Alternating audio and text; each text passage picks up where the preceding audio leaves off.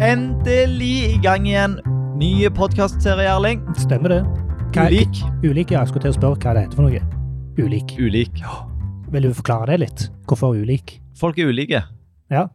Og Har ulike utfordringer. Ja. Vi skal snakke med ulike folk. Stemmer. Kun ulike folk. Vi skal aldri snakke med de samme. Nei. Det Og, eh, og alle mennesker er jo ulike. Ja. Mangfold, Erling. Stemmer det. I dag har vi den store gleden av Vi har tatt en litt sånn pysete tilnærming, for vi har tatt en fyr vi kjenner, sånn at vi starter litt mykt. Hvem er det, Mhm. Erling? Det er Frederick Rogers. Frederick Michael Rogers. Stemmer. Han er vel han, Eller familie fra USA. Ja, men han snakker kav stavangersk. Kav stavangersk. Ja, Ja, men han eh, har eh, Alle ordene han har på engelsk, har han engelsk uttale på, eller amerikansk Ja, uttale. Korrekt, god uttale. Ja. Men eh, Fredrik, hva, hva jobber han med? Han er eh, koder, utvikler i uh, Altibox. Ja. Og har Og Mer spesifikt frontend-utvikler. frontend-utvikler. Yes. Og har eh, Vi inviterer han jo fordi han har meninger om universell utforming. Og vi mm. skal lære om Hans eh, arbeid, hans eh, fokus, hans eh, holdning til universell utforming. mm, og hans ulike utfordringer.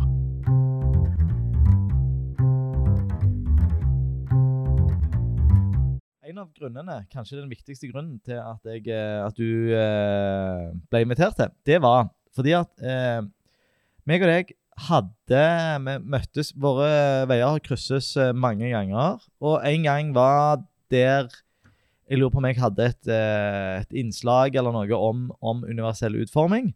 Og så traff jeg deg noen dager etterpå eh, ute på gata. Og så, helt tilfeldig, og så kom du bort til meg, og så var du superengasjert. Og så sier du, vet du hva, Anders? Jeg har begynt å teste ting eh, med en skjermleser, og vet du hva? De som bruker en skjermleser, de må ha det helt grusomt. Ja. Uh, og, og det er jo sant. Det, men men uh, det, det, det, var Du viste et uh, stort eh, En stor frustrasjon over at du hadde oppdaget at ikke alle bruker internett på samme måte. Ja, altså det, det, det kommer jo litt av det det som ligger i naturen, kanskje, av det å, å jobbe som utvikler på mange måter. fordi det som interesserer meg, er jo utfordringene. Å løse et problem eh, som ofte har er med et opphav i et behov. Noen har et behov. Hvordan får vi dette til? Og eh, når jeg plutselig tenkte skjermlesere, ja, men dette må jo gå greit, dette fikser jo, det er jo massevis av innhold å, å hente på nettsider, her kan du jo bare presentere det, dette må jo gjøre full mening. Altså i den naive troen jeg hadde, fordi det jeg ser og det jeg hører er veldig vanskelig å skille i øyeblikket jeg skrudde på eh, skjermleseren og lukte øynene mine, så var alt bare kaos. Um, fordi jeg kunne, jeg, kunne ikke, jeg kunne ikke gjøre de tilsynelatende enkle koblingene mellom lydene og det jeg så. Eh, og, det var, og når jeg begynte å prøve å navigere rundt der og prøve og, og hørte hva responsene var, jeg var sånn Jeg har ikke snøring hvor jeg er på denne nettsida her. Det er massevis av ord og setninger som kom ut her, men det, forteller meg nesten ingenting. Det var Og jeg ble veldig glad av at du sier 'og jeg lukter øynene'. For det, for oss, å sitte og teste med en skjermleser eh, med skjerm og uten, er dag og natt. Ja. Eh, nå er det faktisk en, en sånn hurtigtast eh, på iPhone som skrur av skjermen når du eh, igangsetter skjermleseren. Det er fantastisk. Eh, så, så, men det tar jeg meg sjøl i. Eh, 90% av, eh, av eh, gangene jeg tester med skjermleser. Og når vi har testa i, i, i disse podkastene vi har hatt, Erling, mm. så har vi alltid brukt med skjerm. Og det, er, det blir ikke det samme. For du, du har Du kan lene deg på det visuelle. Eh, så det er bedre enn ingenting. Men det å, å, å lukke øynene eller ja. For jeg har jo faktisk, eh, Vi har jo snakket om dette tidligere, og en av de tingene jeg ønsker, iallfall i jobbsammenheng, er jo det at det at når, Hvis du skal ha en skikkelig test, så må du jo faktisk finne målgruppen. Du må finne noen som representerer målgruppen din, for å gi deg et, et realistisk perspektiv på det. For til og med når du lukker øynene, så så opplever du ikke nødvendigvis en helt den samme frustrasjonen. Fordi hvis alt går gale med skjermleseren, så kan jeg bare åpne øynene mine, og så fikser jeg problemet. Mm. Og hvis du ikke har den muligheten, Mm. så sitter du plutselig uh, i en veldig, veldig uh, kjedelig situasjon. Der du er helt avhengig av denne skjermleseren og det arbeidet som har blitt gjort på denne nettsiden. Og det er jo der litt av engasjementet mitt kommer. For det, jeg, det, det er jo veldig frustrerende. Altså, det er veldig sånn enkelt for meg. For det, det, det, det, det er bare en situasjon som jeg, jeg, jeg mistenker eller oppfatter som irriterende for noen. Og jeg tenker da ja, men dette må vi jo kunne løse. Mm. Uh, og det er jo litt av det som er interessen for dette her, da, uh, kommer fra. Og det at vi i jobbsammenheng prøver jeg å alltid tenke eh, så mye UU som mulig. Eh, Men eh, sånn som vi kommer sikkert til å komme mer inn på, så er, jo, er det jo litt utfordringer rundt dette her. Og det er jo Rundt hva da? Nei, universal utformingen på et teknisk nivå. Eh, vil si det at der f.eks. Uh, en designer har veldig tydelige guidelines og, og, og måter å håndtere f.eks. farger eh, på. Ikke nødvendigvis at alt er så ekstremt tydelig, men jeg føler kontrasten er litt større. Der utviklerne f.eks. skal måtte eh, tenke på vi må tenke i litt annerledes baner enn det vi vanligvis gjør. For vi tenker ofte veldig lineært når vi lager eller strukturerer en nettside eller en applikasjon, der du begynner på toppen, leser deg ned gjennom, og der du strukturerer informasjon. Og vi gjør det jo med det visuelle som grunnlag. Vi plasserer knapper og menyer rundt omkring på denne siden, fordi sannsynligvis så er det der vi forventer at det blir enkelt for de som bruker en mus uten nødvendigvis å tenke på de som har utfordringer på rundt eh, bruken av enheter. eh, De som ikke kan bruke mus, Mm. eller enda verre, de som ikke kan bruke et keyboard.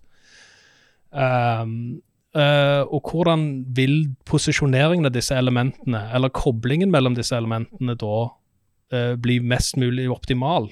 Altså, vi kan jo Altså, med tabbing Eh, hvis du bruker tab-keyen på keyboardet, så vil du kunne flytte fokusområdet rundt nettsiden.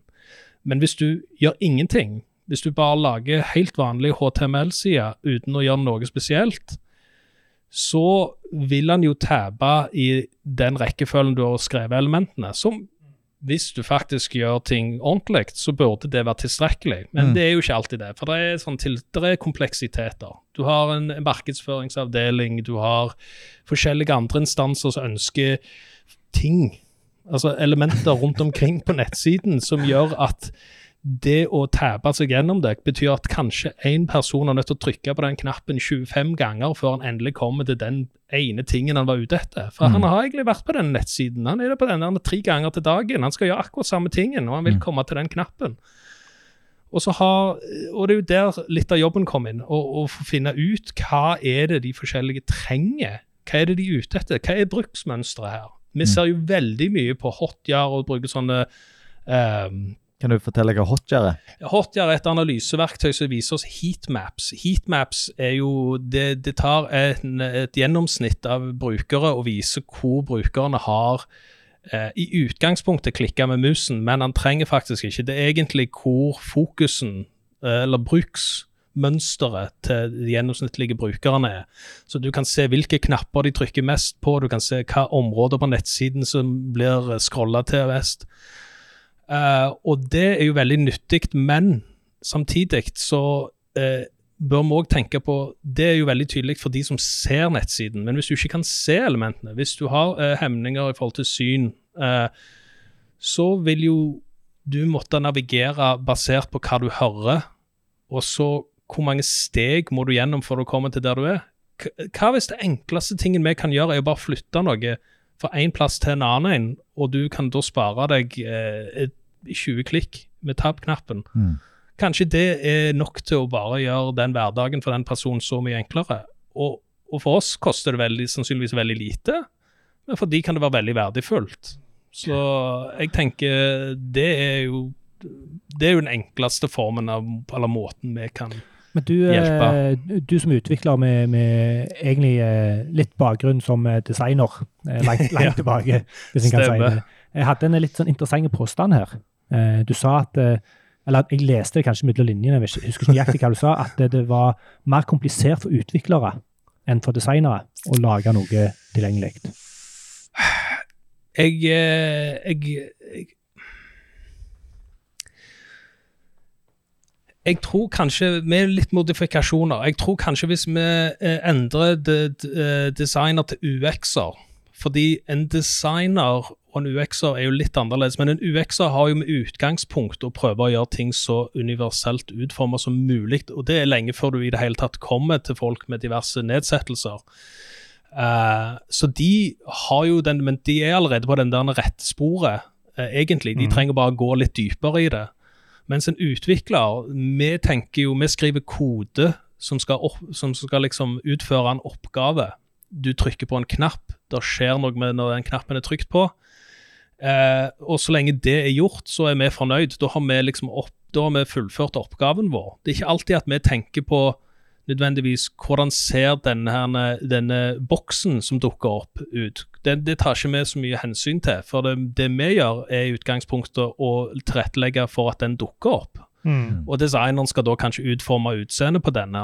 Men det du ser mer og mer, er jo det at iallfall i det som er frontend-utviklingssfæren, så må vi faktisk som utviklere mye mer adressere disse visuelle eh, Eller utformingen, da, vil jeg kanskje si litt bedre, av hvordan interaksjonene som vi ja, du skriver føler, Du føler at litt ansvar blir lagt uh, på dere? At, ja. Uh, men, eh, men uh, du, du beskrev det òg på en måte at sånn dere tenkte nå, var lineært. Altså at dere tar design på ei side, og så implementerer det sånn det ser ut. Ja, mer eller mindre. Blir det feil fra et tilgjengelighetsståsted? Jeg tror ikke nødvendigvis det trenger å bli feil, men jeg tror veldig fort så kan det være at du hopper over viktige elementer der. Fordi i, hvis du bare begynner å implementere det du ser, så tenker du ikke nødvendigvis på uh, alle aspektene med dette. her. Og, de, og, dette er faktisk ikke så mye Dette er et problem som jeg opplever utenfor sfæren av universal utvikling, altså bare sånn generelt. Fordi du Det er veldig Det, det er sånn typisk der du, du, er bedt om å lage en representasjon. Altså Noen gir deg en tegning, og så ber de deg lage en kopi av denne tegningen. Uh, bare at du òg legger til litt interaksjon. Uh, det som ofte ser, er jo det at vi gjør nøyaktig det som vi blir forespeilt om å gjøre. Altså, du, du, du tar sketsjen, og så gjør du exactly sånn som den, det som du blir bedt om, uten å tenke på uh, de tingene som ikke nødvendigvis kommer tydelig frem i skissen, men samtidig må ta hensyn til. Uh, så det er For min del så liker jo jeg veldig godt å ta og snakke med UX-erne uh, før jeg begynner på dette her, for å se at jeg har forstått intensjonen bak skissen. At jeg forstår hva formålet er, og hvorfor ting har blitt gjort på den måten. Ja, og, og det, det, du, det, du, er inne på, der, handler om eh, altså semantisk HTML og tabrekkefølge og sånt. Stemmer, for Eh, nå har vi jo mye bedre verktøy enn det vi hadde når jeg først begynte. Eh, når du fikk en skisse, så tok vi Vi brydde oss jo ikke om om det var eh, en heading, eller hva var det H1 eller H6, eller hvilken type HTML var det. Vi bare lagde det med. Mm. Det ser fint ut på skjermen. Jeg er ferdig nå, jeg. Ja, Mange sier det nå. ja, jeg, så, eh, men verktøyene vi har nå til dags, er så mye mer hjelpsomme på det. De forteller oss nøyaktig hva eh, er det dette elementet er, denne, denne, visualiseringen. Hvordan representerer vi den i form av HTML? Uh, og det hjelper enormt. Men det er ikke igjen, det er ikke en 100 en fasit. Så jeg står ennå på det at å ha en god dialog med designer eller UX-er eller de som produserte skissene, for å være sikker på at du har en forståelse av intensjonen, er essensielt for at jeg skal kunne gjøre en god jobb. Nå vet jeg at det er ganske mange lyttere. Du nevnte ordet verktøy. Mm -hmm. Er det noe folk lurer på, så er det verktøy. Ja, Hva verktøy bruker du? Det skal jeg komme litt tilbake til, for jeg har to uh, innspill til det som du sa. Uh, og Det første handler om uh, Det går litt i, inn i hverandre. Det første handler om, om at du måtte trykke 25 ganger for å komme ned til et element. Og er det noe jeg har lært i løpet av de siste åra, når jeg har jobbet uh, mye mer med, med, UU enn jeg har gjort tidligere, så er det effektive grensesnitt. Mm. Og det er et sånn stjerneeksempel på at UU er bra for alle. Og, eh, og effektive grensesnitt det er enormt viktig for de som sliter og bruker lang tid og bruker hjelpemidler. Eh, men det er òg navet i brukervennlighet. Og, og noe som, som eh, eh, Noe som jeg har begynt å gjøre, det er eh, når jeg snakker med utviklere og, og designere, det er designere bør ta kanskje det mest kompliserte eh, grensesnittet sitt i løsningen de holder på med, og, og telle stoppene. Eh, det er et, eh, det er et tillegg til Figma for de som bruker det. Det har jo nesten blitt sånn bransjestandard. Eh, I hvert fall ifølge UX i Norge, eller hva heter den siste undersøkelsen din, eh, Erling? Design i Norge. Design i Norge. Der kom jo Figma veldig høyt ut nå sist. Stemmer det. Eh, der er det et utrolig kult tillegg eh, som du som designer eh, definerer eh, tabstoppene. Og, det som, og da får du eh, nummerert de med et, med et lite ikon. Og da blir det så visuelt tydelig hvor effektivt dette grensesnittet her er. Og det handler om at eh, Og, og, og det tenker jeg at det, samspillet mellom utviklere og designere OK, hvis du får et design som du skal gjøre om til kode, og du ser at det ikke er effektivt, så tenker jeg OK, inngå en eh, dialog. Er det vits i å ha fem ikoner for sosiale medier helt i toppen før hovedmenyen kommer? Ikke sant? Det er fem eh, trykk det for en tastaturbruker. Det er fem intetsigende informasjonsbolker for en eh, talebruker. ikke sant? Ok, Er dette et effektivt grensesnitt? Nei, ja. Kan vi effektivisere det? Eh, så det, det å, å, å, å oppfordre designere til å tenke gjennom dette, gjerne med et sånt hjelpemiddel som du får eh, i Figma Husker ikke navnet på det, men det, det kommer i episodelenkene.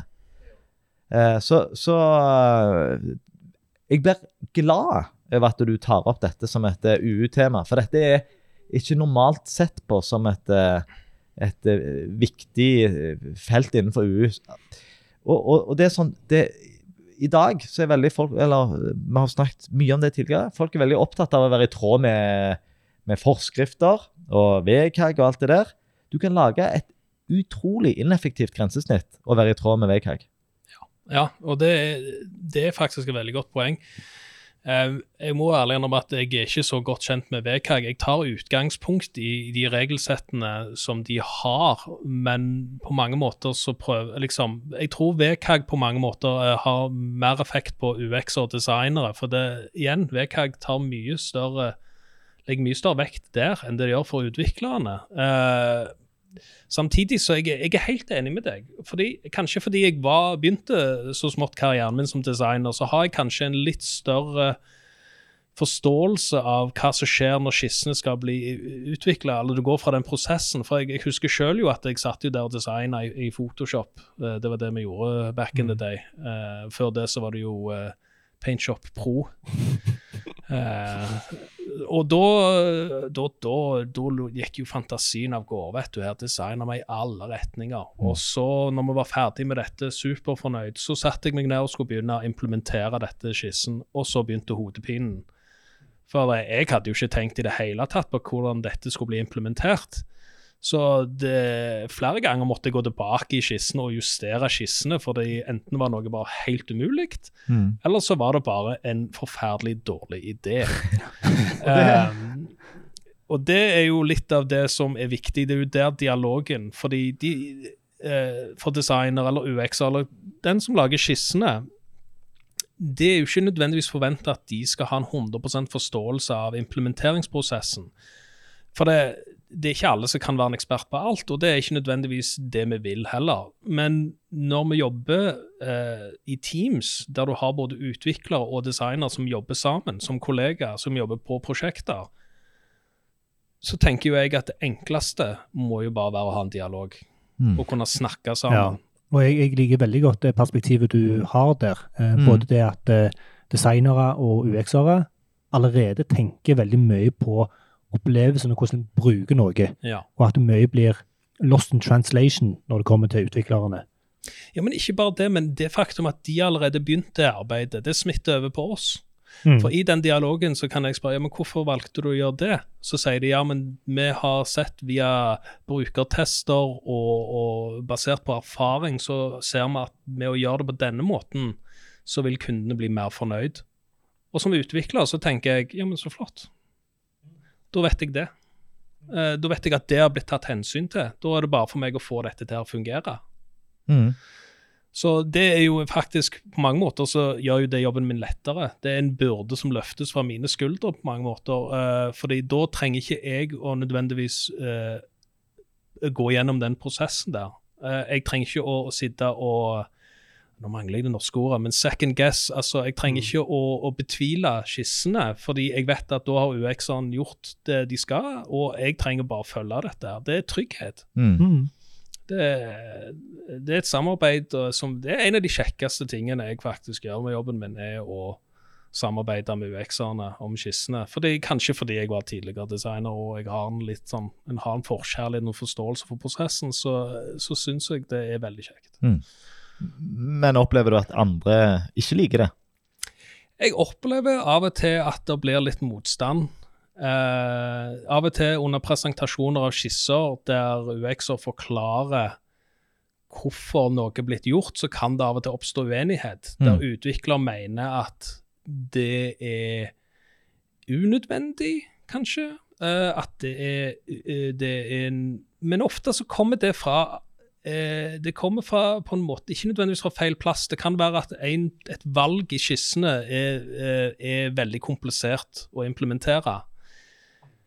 Og da ofte kan det være du får litt eh, pushback. Men det er jo ikke nødvendigvis helt feil, det heller. For det, det må være en balanse, på en måte. Mm. Eh, vi som utviklere må vel, akkurat som uh, UX-ere skal være flinke til å fortelle oss hvordan og hvorfor vi burde eh, bygge dette grensesnittet på den måten, så må vi samtidig også kunne fortelle designerne at her eh, skaper vi en ekstrem byrde på teknologien.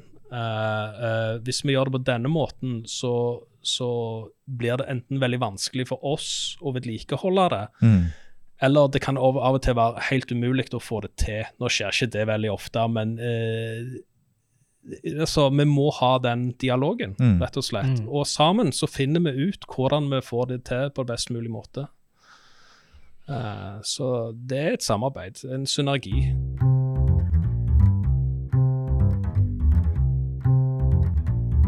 Skal vi gå til verktøy, Ja, som folk sitter og lurer på? ja verktøy er jo Hva, eh, hva, har du, hva har du med deg i verktøykassen din? Jeg fant nettopp et fantastisk verktøy som jeg på en eller annen måte har gått glipp av. Uh, Chrome har nå fått en accessibility tab i developer-toolsene sine. Mm. Så hvis du klikker på den nå, så kan jeg få opp alle de forskjellige Nå kan jeg få opp eh, antyda rolle og alt mulig sånne greier. Informasjon. Den har vært en fantastisk hjelp. Bare den siste uka her så har den hjulpet meg. Jeg, eh, det var, så når det gjelder det med skjermlesere, så har vi faktisk litt utfordringer rundt det. Fordi de fleste skjermlesere som vi prøver å teste med, støtter ikke norsk. Og de få som er på norsk, vi må, få det, må vi bruke på Windows-maskiner. Ja, for du tidligere- på Linux. De fleste av oss sitter på Linux eller Mac-maskiner. Ja. Og eh, dessverre Mac jeg har jo veldig bra norsk òg. Eh, Den har relativt god norsk, men den som jeg egentlig vil ha Nå husker jeg ikke helt navnet på den, men eh, det, vi prøver jo å finne et standardverktøy som vi kan bruke. Men det er faktisk litt en av utfordringene våre er å finne ut eh, Vi burde jo egentlig ha satt oss inn i å funne ut hvilken er mest populære. Nå vil jeg jo tro at eh, IOS har et ganske stort eh, eh, Og dette, dette kan jo du, Anders. Dette kan jeg. Eh, eh, IOS eh, er, er, har desidert størst markedsandeler Ja. på, på mobil. Så de knuser eh, Android sin talkback. Men nå i fjor så gikk på, på, på desktop og, og bærbar, så gikk eh, NVDA forbi NVDA, ja. Jaws eh, for første gang i historien. Så Ah. Jaws har vært den store, store eh, skjermleseren. Eh, og nå er NVDA den, den eh, De har gått eh, motsatt retning nå de siste åra, men nå, nå er NVDA størst. Og det er jo veldig fint, fordi at den er Den er gratis. eh, og, og har konkurrert mot store, tunge Jaws da i, i lang tid. Og Jaws har vært veldig utilgjengelig, bl.a. fordi at eh, han koster mye penger.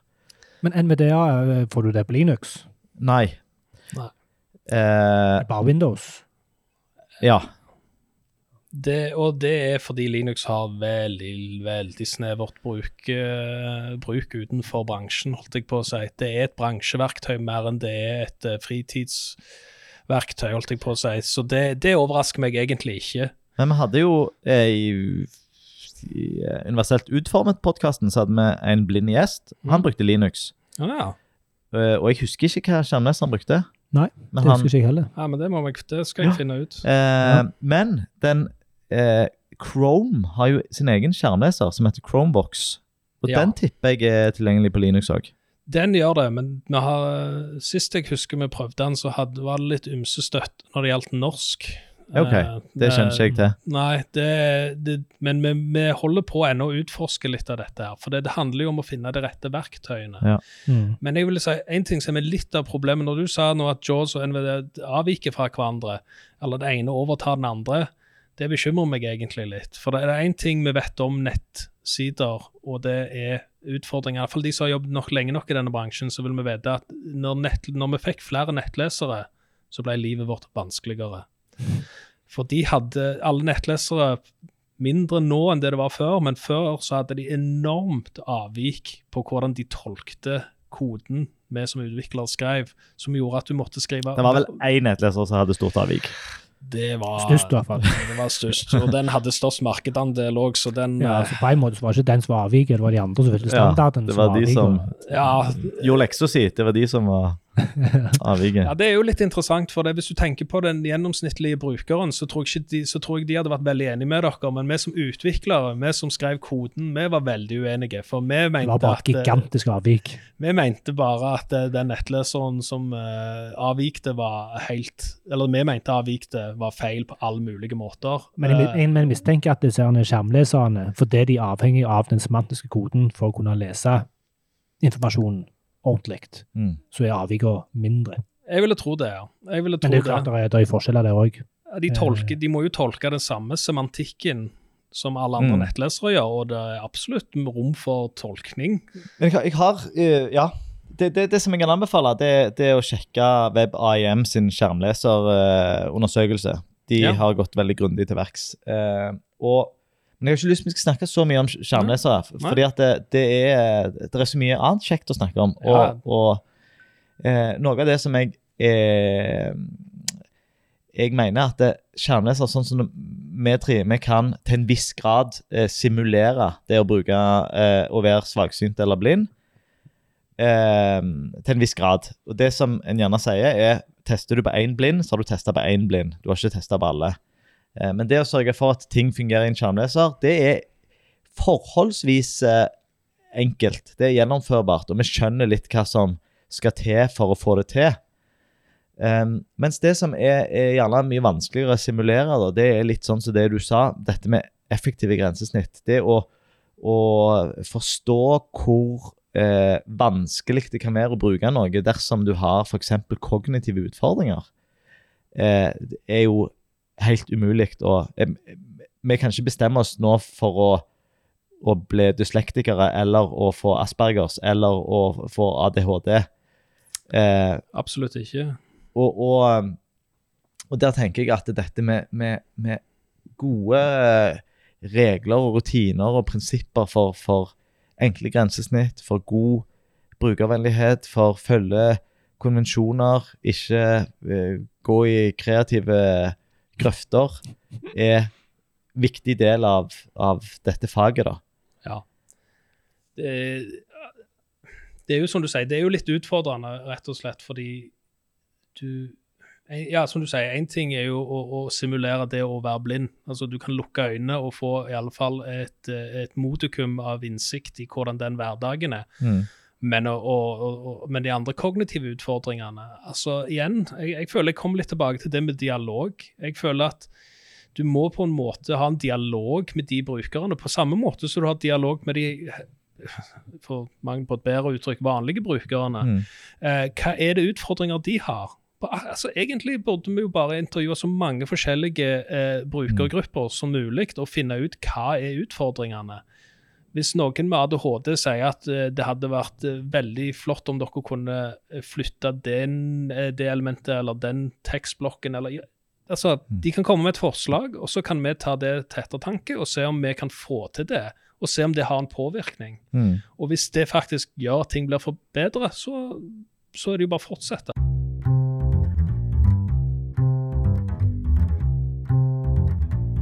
Eh, Du sitter ikke alene og utvikler.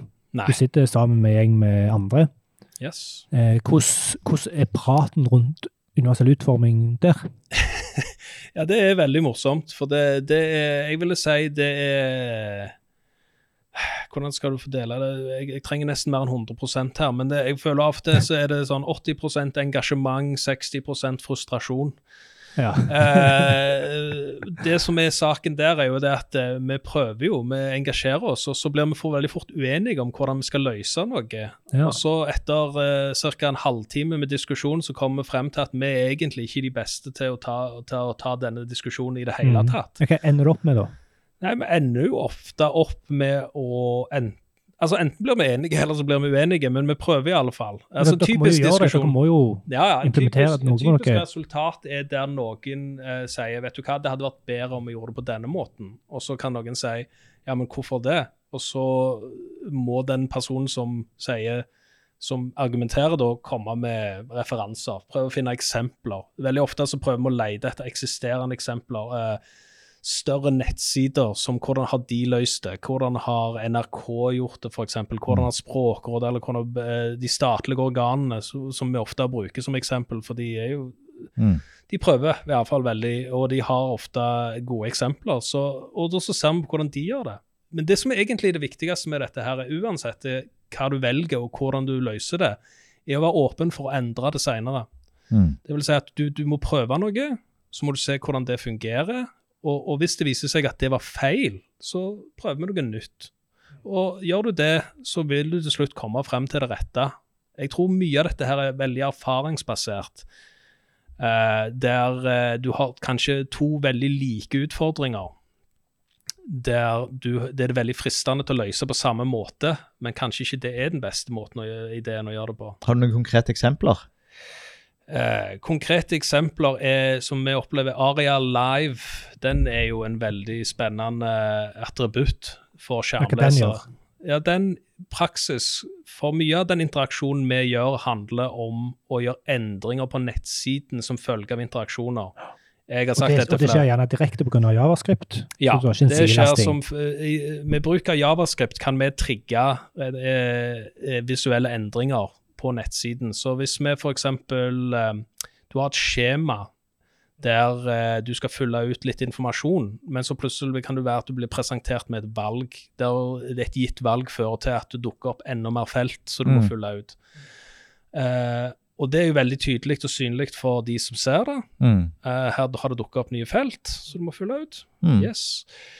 Men hvis du er svaksynt eller kanskje har andre eh, nedsettelser, så kan det, eh, kan det være at det ikke er like tydelig. Og da kan det være en skjermleser kan være eh, verktøy som bistår deg med dette. Og men en skjermleser vil i utgangspunktet ta, ta utgangspunkt da, i nettsiden som han er i øyeblikket han laster. Og så hvordan kan du da fortelle brukeren at her har det skjedd noe, her har det oppstått en endring. Mm. Og det er jo Aria Live. Aria-attributten gir deg mulighet til å, å eh, overstyre eh, skjermleseren eh, til en viss grad, og- eller iallfall hjelpe med å indikere at her det står en endring. Du Mm. kan gjøre det, du har tre valg, mener jeg å huske. Du har polite. eh, eh, står det unpolite? Assertive. Assertive Ja. var det, ja. Polite, assertive, og så har du en tredje der du skal faktisk ignorere det fullstendig, mener jeg. Og da er det alltid mye Den, den er det liksom Når skal du være skal du være polite, og når skal du være assertive? Den er ofte veldig vanskelig å finne Mm. ut av. Når skal du eh, bare eh, la det bare eh, gi et lite hint om en endring, og når skal du liksom brøle og si fra her har det skjedd noe, her må du følge med, Det, det er veldig sjelden du trenger sør-TV. Ja, det er det vi har funnet ut. Ja. Eh, etter et par Mm. tester på skjermleser så fant vi ut at eh, OK, midt i eh, Ja, og det har veldig mye å si hvor du plasserer de òg, for det kan plutselig, midt i en, en gjennomgang av en, et eller annet, så kan det være at han bare stopper flatt Mm. og begynner å fortelle deg. Og så har jeg òg opplevd at han ikke starter opp igjen.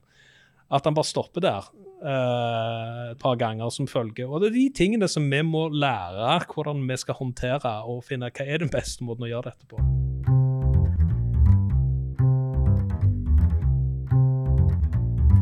Hva, hva tror du er hovedårsaken til at det ikke er bedre der ute? At ting ikke er mer tilgjengelig?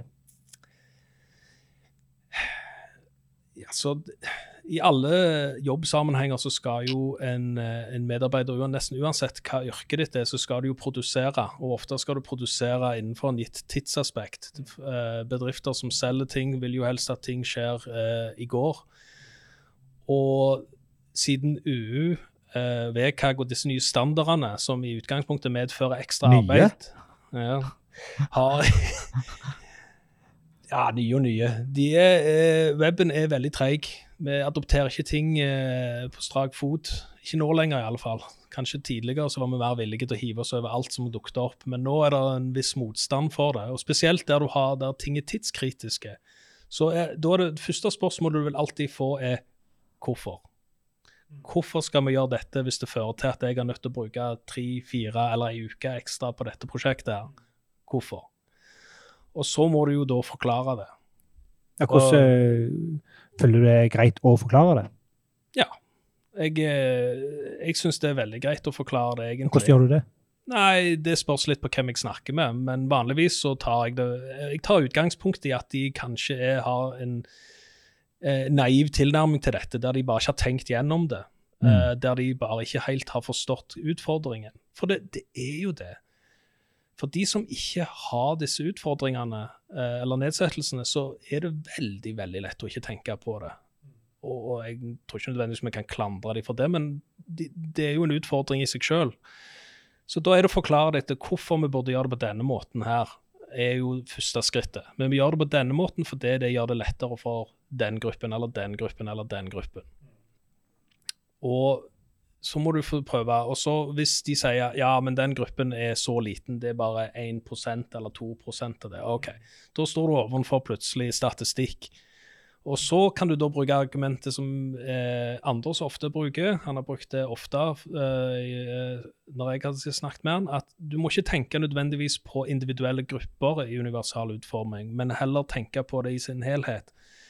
Det du gjør for den ene, vil sannsynligvis ha eh, fordeler for den andre. Der ut universal utforming handler jo først og fremst om å gjøre produktet bedre for alle.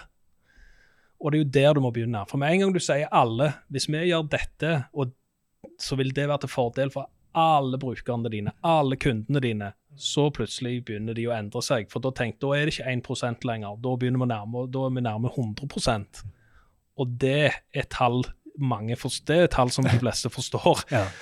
uh, og kan leve med.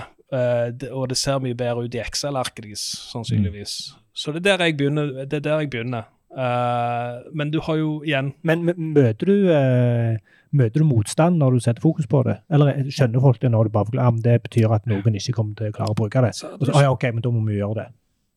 jeg tror, vet du hva, jeg skal være helt ærlig. Når vi først, når vi først begynte med universal utforming på skikkelig i, i boks, så trodde jeg virkelig vi skulle få mer motstand. Ja. Jeg trodde det skulle være mye mer motstand, men det var faktisk relativt lite.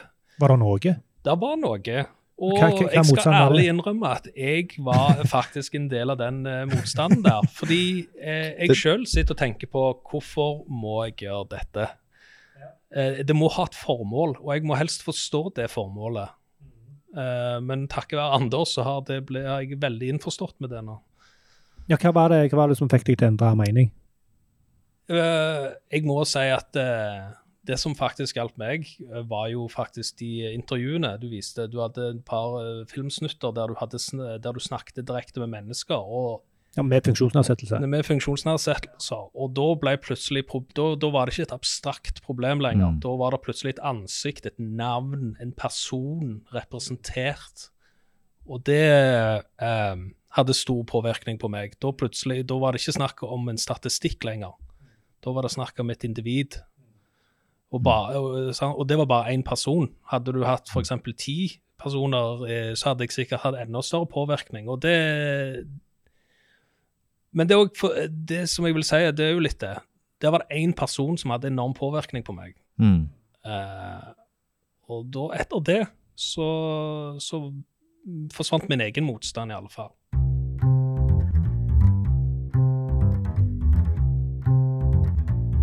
Anders var jo inne der i fjor. Ja. I fjor, Så dette Ja. er jo en ganske fersk åpenbaring for deg. Ja, det, jeg, jeg var jo bekjent med det. Det var jo ikke noe som jeg var helt ukjent Det var ikke et ukjent område, men det var ikke et område jeg hadde brukt veldig mye tid på. Men den, den engasjerte samtalen ute på fortauet der, det var jo før jeg eh, var inne og, og på teamet ditt og, Ja, og jobba. ja det var kanskje det. Ja. Altså, jeg, det, jeg, Anders har jo mye ansvar for dette her, men eh, jeg hadde universal utforming på det som jeg begynte med jeg, vet du hva, jeg må nesten uh, få lov til å name-droppe, eller ikke name-droppe, men si samboeren min hadde en stor innflytelse på dette. Hæ? For hun òg jobber i bransjen. Ja. Uh, og hun var alltid fascinert av dette her. Og hun begynte å si nei, nei, nei, du må gjøre det sånn, for det, da blir det bedre for den og den. Og jeg bare nei, nei det, det, det gidder jeg ikke. Det, det, det, Hvor hadde hun det fra? Hun fikk det fra Vet du hva? De, uh, hun studerer på Noroff. Ja. Eh, så hun tar videreutdanning der, og de har det faktisk som et fag på Noroff.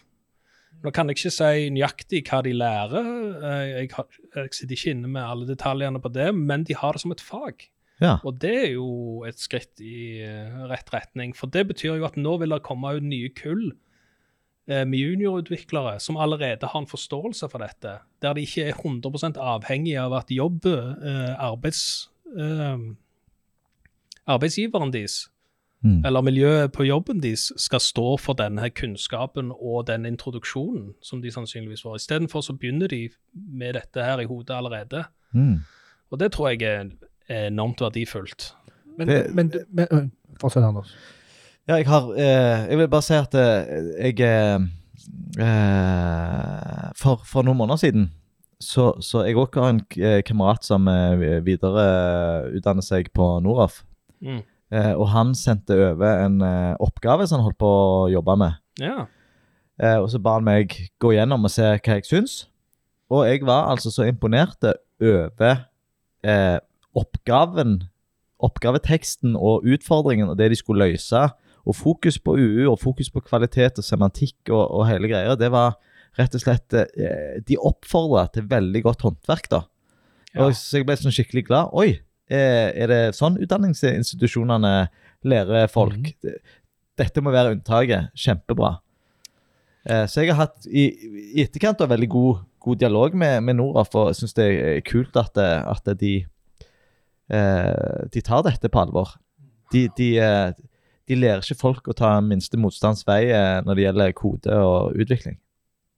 Ja, og, det, og det er jo rette plassen å begynne. Mm. Fordi eh, i denne bransjen, i den eh, som utvikler, så jeg, eh, dette jeg alltid forteller folk når de sier ah, jeg lurer på meg, jeg har tenkt å bli, bli utvikler, jeg har tenkt å liksom jobbe i den bransjen, så, så en av de tingene jeg alltid prøver å si til dem, at du må være på en måte, du må ha en slags form for lidenskap for det. Fordi denne, dette er ikke en sånn jobb så du går på skole, du blir utlært, og så begynner du å jobbe, og så er du ferdig.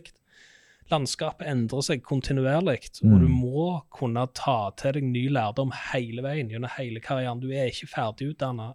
Motstrider litt det du sier, for det, Ja. jeg mener jo at dette feltet som vi i dag snakker om, det er veldig mye på, på nettet og på weben som har utvikla seg, men eh, innenfor UU så har det egentlig gått ganske seint. Eh, de, første, de første retningslinjene kom i 99, og det er ganske mange punkter der som fortsatt er med oss. Og første retningslinjen i, i 99, første retningslinjen i VKG, er alternativ tekst på bilder. Og det er jo en av de feilene som både som, som vi fortsatt neglisjerer og glemmer og feiler på og snubler.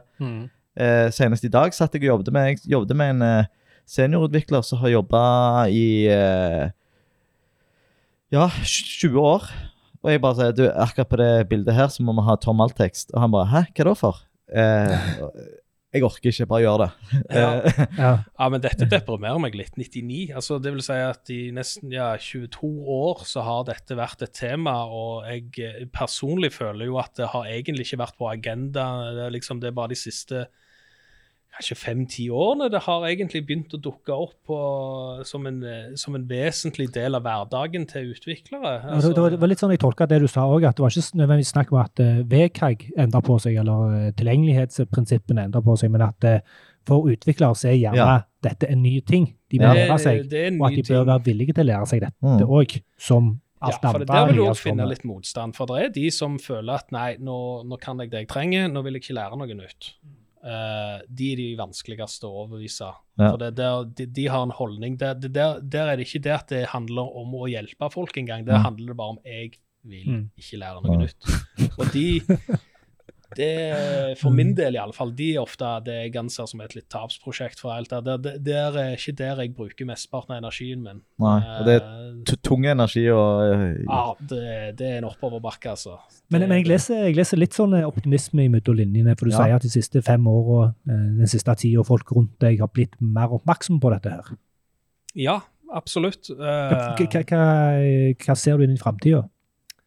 Hvordan jeg ser for meg framtida. Ja, fremtiden så, så kommer ikke universal utforming til å være en, eh, et så eh, sidestilt topic i det hele tatt. Det kommer bare til å være en helt naturlig del av jobben. Mm. Det, det kommer ikke til å være snakk om at du må gjøre dette på denne måten. Det kommer bare til å være den eneste måten vi gjør ting på. Mm. uh, Ja. Det, Og selv om, så selv om du er ganske flink til å male fanden på veggen, så er du en optimist. Ja da, absolutt. Eh, det er jo det jeg, som jeg sa litt tidligere, det er jo utfordringene som er attraktive. Så når jeg er negativ om Mhm. noe, så beskriver jeg egentlig bare engasjementet mitt. mm. Det verre noe er, det mer interessert er jeg. Så Du, du nevnte noe at, at av og til så møtte du litt motstand der du sa ja, men dette gjelder så få. Eh, og så, så bare eh, leste jeg nylig en sånn et, et motsvar til det, da, som var ganske fint. Et perspektiv på det som jeg ikke har tenkt på. Så bare OK, hvis du får det Ja, men dette gjelder så få. Hvor mange er det egentlig som bruker ditt og bruker datt? Og hvor mange er det som bruker en eh, bryterkontroll? Så kan du si å ja, ja, ja du, du er ikke så opptatt av minoriteter. Eh, hadde, eh, eh, hadde det vært greit for deg å, å, å stengt ute noen basert på legning? Skal vi lage noe som ikke eh, homofile kan bruke? Hadde, hadde du syntes det vært greit? Mm. Eller hadde du syntes det vært greit å, å lage noe som, som ikke de svarte kunne bruke? Hadde det vært innafor? Mm. Eh, litt eh, Ja, fint, fint retorisk grep der. Ja, Ja. eh, for da blir du litt sånn Ja, Ja, OK. for det, det, det, det er jo litt det vi preker, at eh, Ja. å ikke bry seg om universell utforming handler om å ekskludere Ja. folk. Mm. Å ikke inkludere, så ekskluderer, ekskluderer du. Og det, ja, det er det. Og akkurat jeg så et gammelt intervju riktignok med, med Tim Cook da nettopp, og der han, han ble spurt om hvorfor er Apple så opptatt av dette. Og Apple er Mm. Flinke. veldig flinke. Og de sa Why shouldn't we? It's a basic human right. Altså, Mm. det, Mm. det er sånn det skal være. Det er sånn vi skal behandle mennesker. Mm. Men jeg tror mye av dette her er litt sånn historisk i den forstand at i- som en del av markedsføring så liker de å lage demografier. For det, Mm. da kan de prøve å finne ut hvor, hvilken demografi kan vi tjene mest mulig penger. Og da blir alt delt opp i prosenter. Og så blir noen så blir det satt en, et hardt skille på hvor mange prosenter du, skal, du trenger for at det skal være lønnsomt. Og da, det, det, det der ting ofte blir liksom, de er for få, det er ikke nok av de. Mm. Men jeg alltid syns det er litt sånn eh, interessant er det at eh, de kan så sette seg et kvartalmål om at de skal øke salget med 0,5 Mm. Og da tenker jeg ja, vi har 2% eller 3% med eh, brukere med en gitt hemning. Hvis vi bare gjør det, det og det på nettsiden, så har du 3% ikke bare 0,5 Altså, det, det blir veldig dumt, egentlig, argumentet, og jeg er helt enig. Det, Det handler jo om å inkludere alle.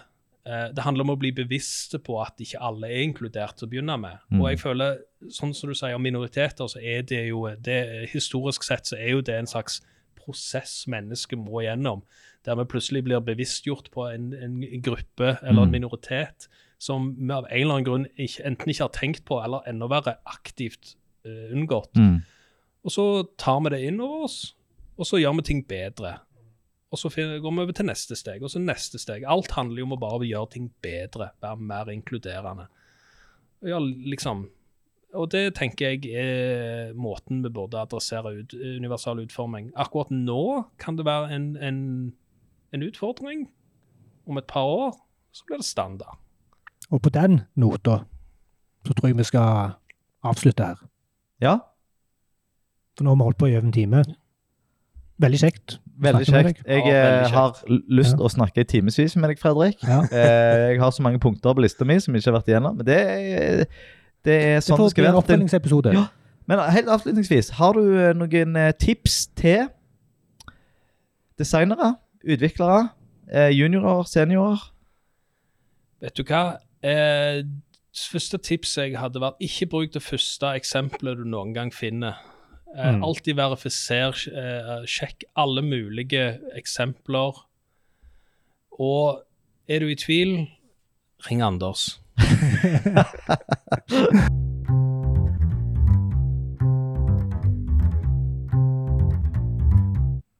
Det var spennende greier å høre på. Ja, det var veldig kjekt. Ja. Hva, hva sitter du igjen med? Det, uten å tenke meg om, så sitter jeg igjen med at eh, Fredrik og veldig mange andre, det er ikke for å henge ut han, eh, tenker at dette er noen nye greier. Ja, ja det er litt eh, At enig. fagområdet vårt er noe nytt. Ja, Eh, så det underbygger jo en, eh, en eh, ja, en, en holdning. en holdning. Ja. Men han var òg optimist Ja. og mente at dette kom til å bli mer og mer den måten en må gjøre ting på. Mm. At det ikke er greit å gjøre det på en annen måte. Hva sitter du igjen med? Nei, egentlig litt, eh, litt det samme. Eh, men det var, det var det var kjekt å høre. Selv om jeg snakker med utviklere jevnlig, så var det akkurat så formatet gjorde at jeg fikk et litt annet perspektiv på det når han sa dette med å snakke med designerne og, og den effekten. Dette med hans perspektiv på at det, Han sa jo spesielt UX-designere, men at de er så opptatt av nettopp brukervennligheten og hvordan ting blir brukt, at med å sette seg ned og snakke med dem, så vil det òg føre til bedre altså mer tilgjengelige tjenester Mm. blir bedre implementert fordi de da forstår behovet som designerne prøver å, å, å innfri rett behov. Jeg er veldig glad vi er i gang igjen, Erling. Og Ja. dette har vært et slags savn. Nå har vi tatt en eh, litt lang pause. Ja, Det trengte vi jo. Ja. Eh, og nå er jeg underernært på UU-preik, så Ja. da var det godt å Ja, Hvor komme lenge, hvor lenge er det siden sist? oh, Nei, det er nok et, eh, fire måneder, kanskje. Ja, det er såpass, ja. Nei, jeg vet ikke. Jeg er litt dårlig på sånn Jeg tid. Totalt ubrukelig. Neste episode Ja. skal vi treffe en fyr som ikke kjenner så godt. Så Ja. det blir, eh, det blir ikke like trygt. Nei, for Fredrik kjente vi jo ganske godt, Ja, egentlig. Så vi starta mykt. Eh, og det blir ikke nødvendigvis hardt, dette. Nei. Men vi skal snakke om en rolle som eh, Fredrik snakket mye om. Ja. UX. Mm. Hvem er det? Pål Eirik Paulsen. Ja, Han hvem er er, han? han er vel UX-ansvarlig eh, i eh, en eh, bedrift som heter Supersteria her Ja. i Stavanger. Ja. Eh, og på en måte så er vi jo da samla tre konkurrenter i samme rom. Eh, Ja, men det er vi jo med, ja, liten by og lite miljø ja, og alt det er der. fagfeller. Ja, ja. Ja. Men det, det er jo eh, allikevel eh, Det er jo kjekt at vi, vi samles på tvers av eh, Ja. konkurrenter. Så da skal vi finne ut av hva, hvordan, hva funker for han Ja. og for de, og hva funker ikke. Gleder meg veldig. Hva gjør de for å, å redusere ulikheten? Mhm. Snakkes. Snakkes!